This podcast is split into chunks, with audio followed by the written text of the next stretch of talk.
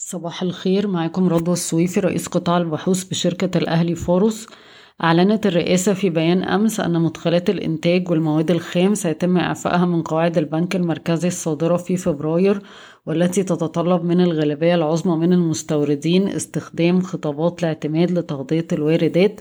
بموجب القرار سيتم السماح للشركات باستخدام التحصيل الوثائقي لتسريع دفع تمن البضائع المستوردة تعتبر خطابات الاعتماد أغلى كتكلفة وتستغرق وقتا أطول من التحصيل الوثائقي وبتعمل ربط لرأس مال المستوردين. سجل التضخم في الحضر 13 وواحد من عشرة في المية على أساس سنوي في أبريل أعلى من توقعاتنا اللي كانت 11 ونص في المية تقريبا. وارتفاعا من عشرة ونص في المية تم تسجيلها في مارس وسجل معدل التضخم على أساس شهري تلاتة وتلاتة من عشرة في المية في أبريل ارتفاعا من اتنين وتلاتة من عشرة في المية في مارس.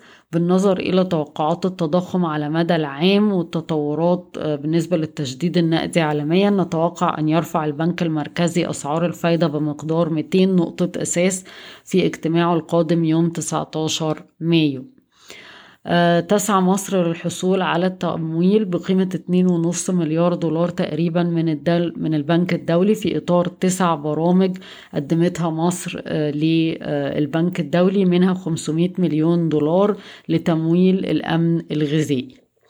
بحثت وزارة التعاون الدولي مع السفير الإيطالي بالقاهرة إمكانية تمديد الشريحة الثالثة من برنامج مبادلة الديون المصرية الإيطالية للتنمية وإطلاق شريحة رابعة لتنفيذ بعض المشروعات التنموية في مصر. ارتفعت صادرات مواد البناء بنسبة 37% على أساس سنوي خلال الربع الأول من, وح... من عام 22 لتسجل ما يقرب من 2 مليار دولار أمريكي.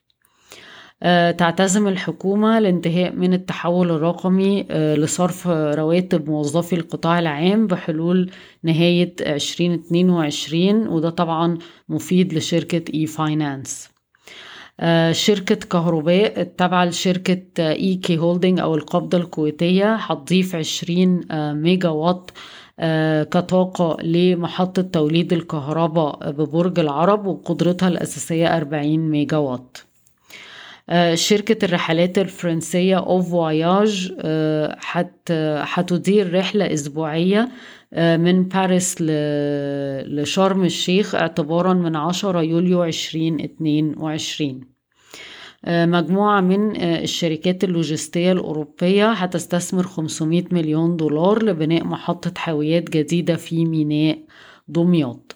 بشكركم ويوم سعيد.